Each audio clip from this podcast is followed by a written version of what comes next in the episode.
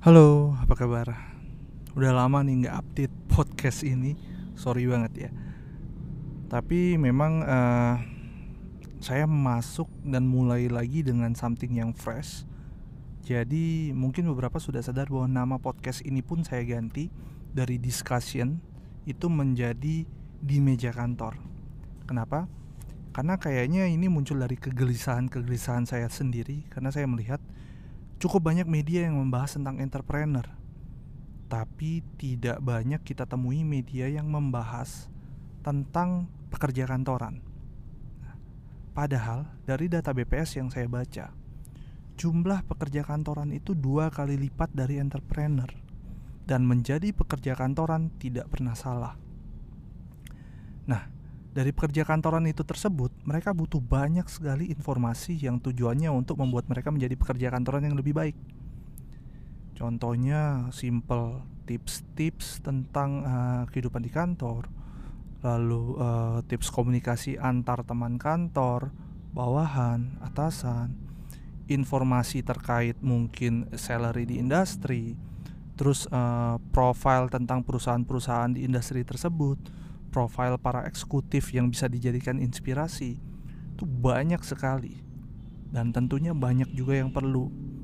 Saya menilai dengan adanya media di meja kantor yang nantinya saya bikin lewat podcast dan juga akun Instagram kita bisa punya satu wadah untuk sharing detail untuk kita sesama pekerja kantoran. Untuk ya tadi bisa menjadi uh, seorang profesionalis yang lebih baik Spesial di edisi kali ini Saya bakal cerita tentang mentor Nah ini hal yang termasuk Sering juga ditanyakan kepada saya Sering juga dibahas di banyak-banyak uh, media Jadi sebenarnya Sebagai pekerja kantoran Mentor itu diperlukan atau tidak sih? Apakah mentor itu sama dengan mungkin uh, senior yang bisa mereka ajak diskusi. Nah, pertanyaan-pertanyaan seperti ini kerap muncul ke saya. Kenapa? Karena saya termasuk orang yang secara terang-terangan bilang bahwa saya percaya adanya mentor di kehidupan profesionalis. Saya sendiri punya beberapa mentor, mungkin kalau disebut banyak sekali. Tapi ada beberapa nama yang memang secara konsisten hubungannya saya bina kalau misalnya bisa saya listing contohnya ada Pak YW Junardi. Pak YW Junardi ini sekarang Presiden Komisaris Raja Wali Group. Dulu beliau adalah uh, CEO-nya IBM, XL, BII banyak deh. Terus ada juga Willy Hendra Judo bos saya di Microsoft. Terus ada Agung Wijanarko. Beliau adalah eksekutif di perusahaan-perusahaan seperti uh, dulu XL, Indosat, lalu Qualcomm dan sekarang dia bekerja sebagai salah satu leader di perusahaan uh, retail uh, device terbesar di Indonesia. Nah, tapi apabila saya bisa menyebutkan satu nama, mentor yang paling berpengaruh di karir saya adalah Andreas Diantoro. Andreas Diantoro ini juga mungkin untuk orang-orang yang bekerja di perusahaan teknologi sudah tidak asing ya beliau itu adalah managing directornya HP, CEO uh, eh, Dell untuk emerging market, lalu CEO Microsoft Indonesia dan sekarang beliau aktif sebagai CEO SAP, salah satu perusahaan teknologi dari Jerman. Kenapa beliau sangat berpengaruh di hidup saya? Karena selain beliau adalah orang yang membukakan banyak pintu untuk karir saya, Beliau juga orang yang memperkenalkan saya dengan Indonesia Marketing Association dan itu juga yang akan menjadi rute saya mempelajari marketing secara detail dan beliau juga adalah orang yang setiap saat bisa saya tanya-tanya, bisa saya mintakan pendapatnya, bisa saya mintakan juga restunya terkait banyak sekali hal. Dan sebagai CEO perusahaan besar, beliau masih memberikan waktu yang sangat sangat detil dan uh, luas kepada saya untuk berdiskusi kapan pun. Nah, inilah yang saya sebut mentor. orang yang bisa jadi punya pengaruh besar tapi mau memberikan waktunya secara spesifik untuk kita dan bukan cuma menjadi pihak yang aktif ketika ditanya orang-orang ini juga sampai rela memfollow up ingin tahu dan termasuk juga memberikan uh, banyak sekali advice terkait dengan masa depannya kita nah itu story saya nah saya akan share Mengapa kita harus memiliki mentor? Alasan pertama yaitu sebenarnya pekerja kantoran itu butuh inspirator, bukan motivator. Kita bukan butuh orang-orang yang bisa kasih kita uh, saran dengan sangat mengawang-awang tanpa ada pet eh, eksekusi yang jelas. Nah, hal tersebut sangat bisa kita peroleh itu dari inspirator. Apa bedanya inspirator itu adalah orang-orang yang memang melakukan sesuatu dan memang kita kagumi karena hal yang dia lakukan, bukan karena sesuatu yang dia sarankan. Nah, pekerja kantoran itu kan benar-benar berbasiskan eksekusi ya. Jadi mentor itu kita harapkan jadi inspirasi kita.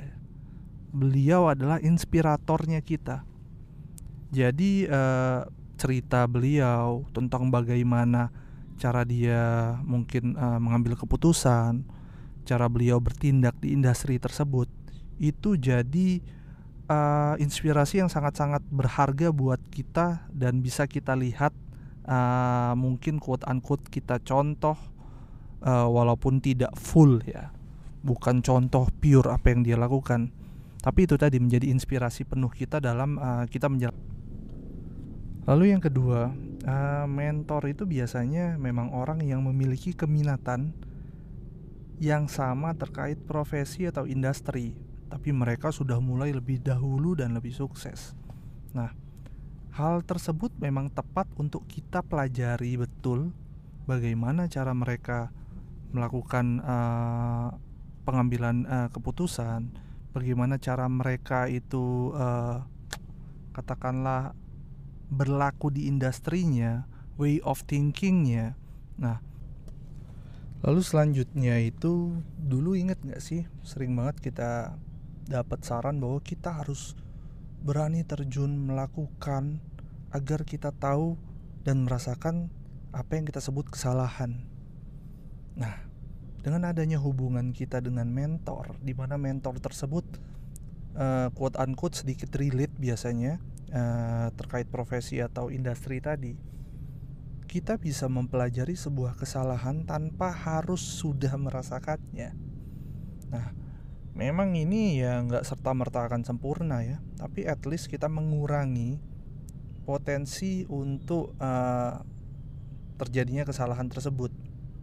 Risknya itu benar-benar termintin dengan cara kita belajar betul dari mentor kita jadi tidak harus ada hal besar yang dikorbankan, tidak harus ada kesalahan besar yang dirasakan untuk uh, bisa dapat decision yang lebih tepat gitu. Nah, selanjutnya ini selain memang memberikan inspirasi, tempat kita belajar, mentor itu akan sangat berguna betul untuk membukakan jalan ketika kita itu ketemu hambatan saya sendiri memang menggunakan uh, mentor juga ketika saya merasa di industri teknologi. Nah, di sini kebetulan mentor saya beberapa itu di industri teknologi. Ketika saya ketemu hambatan, saya akan bertanya dan mereka itu bukan cuma memberikan saran. Ada ambil contoh misalnya salah satu mentor saya ya di dunia telco dulu ketika saya bertemu problem uh, di industri telco, dia akan katakanlah telepon kenalannya di perusahaan tersebut dan pada akhirnya kita itu punya akses untuk menyelesaikan masalah lebih cepat. Nah, ini butuh dong. Ini butuh betul ketika memang kita sudah merasa kita di jalan buntu. Nah, hal ini juga terkait di poin berikutnya. Bahwa mentor itu adalah orang yang paling bisa membukakan kita kepada network yang lebih luas saya sendiri banyak sekali dapat kenalan dari mentor-mentor saya termasuk contohnya dari Pak Andreas dari uh, Mas Agung Wijanarko terkait uh, industri kami yang memang bersinggungan. Jadi kadang perkenalan tersebut tidak harus ketika ada problem seperti yang tadi.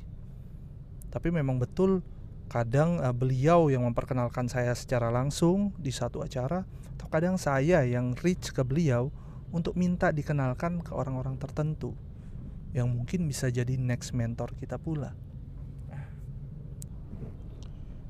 gitu kali uh, beberapa reason yang mungkin bisa dipertimbangkan untuk anda sekarang mulai mencari mentor. Nah, untuk cara mencari mentor ini mungkin saya bisa uh, berikan kepada anda masing-masing. Yang pasti sedikit tips dari saya. Yang pertama, aktiflah di banyak acara-acara komunitas profesi atau komunitas industri tersebut di sana berpeluang betul Anda bisa bertemu dengan uh, para senior atau orang-orang yang Anda anggap sebagai mentor. Yang kedua, aktiflah bermain sosial media. Nah, sosial media jangan cuma dipakai untuk hal-hal yang fun doang. Karena pada kenyataannya mentor-mentor tersebut itu biasanya hidup di sosial media dengan lebih reachable mentor-mentor tersebut itu bisa uh, quote unquote ditemui di Twitter, di Instagram, mungkin uh, di Facebook dan pada akhirnya Anda bisa uh, mulai buka koneksi tersebut lewat hal yang sederhana. Lalu berikutnya lagi itu jangan lupa melupakan eh, sorry jangan lupa untuk menggunakan LinkedIn LinkedIn ini masih sebagai salah satu senjata terbaik untuk reach orang-orang yang sebelumnya Anda rasa sangat jauh profilnya di atas Anda. Tapi banyak juga yang bilang di LinkedIn itu sering kali kita kirim inbox kok tidak dibalas ya. Nah, kuncinya adalah mempersiapkan message yang jelas. Kadang inbox kita tuh tidak dibalas karena ketika kita kirim message ke sang calon mentor ini isinya terlalu to the point atau isinya tidak sopan, cara padanan katanya tidak sopan atau mungkin justru terlalu panjang. Nah, sampaikan betul uh, kekaguman Anda terkait misalnya profil mereka, keminatan Anda yang sama dan mungkin secara sopan Anda bisa meminta waktu untuk uh, melakukan komunikasi bisa via uh, aplikasi pesan atau bisa via telepon atau mungkin nice try-nya Anda bisa aja ketemuan. Oke, sekian dulu uh, edisi podcast kali ini. Semoga berguna untuk kalian-kalian yang mau coba cari mentor mulai dari sekarang untuk menunjang kehidupan profesional kalian dan juga memperluas uh, network kalian dan uh, saya tunggu cerita-cerita seru dari teman-teman yang mungkin sudah mulai atau bahkan sudah punya mentor. Mungkin bisa share di Instagram saya. Dan uh, saya tunggu juga ide-ide untuk konten di meja kantor berikutnya. Sampai ketemu lagi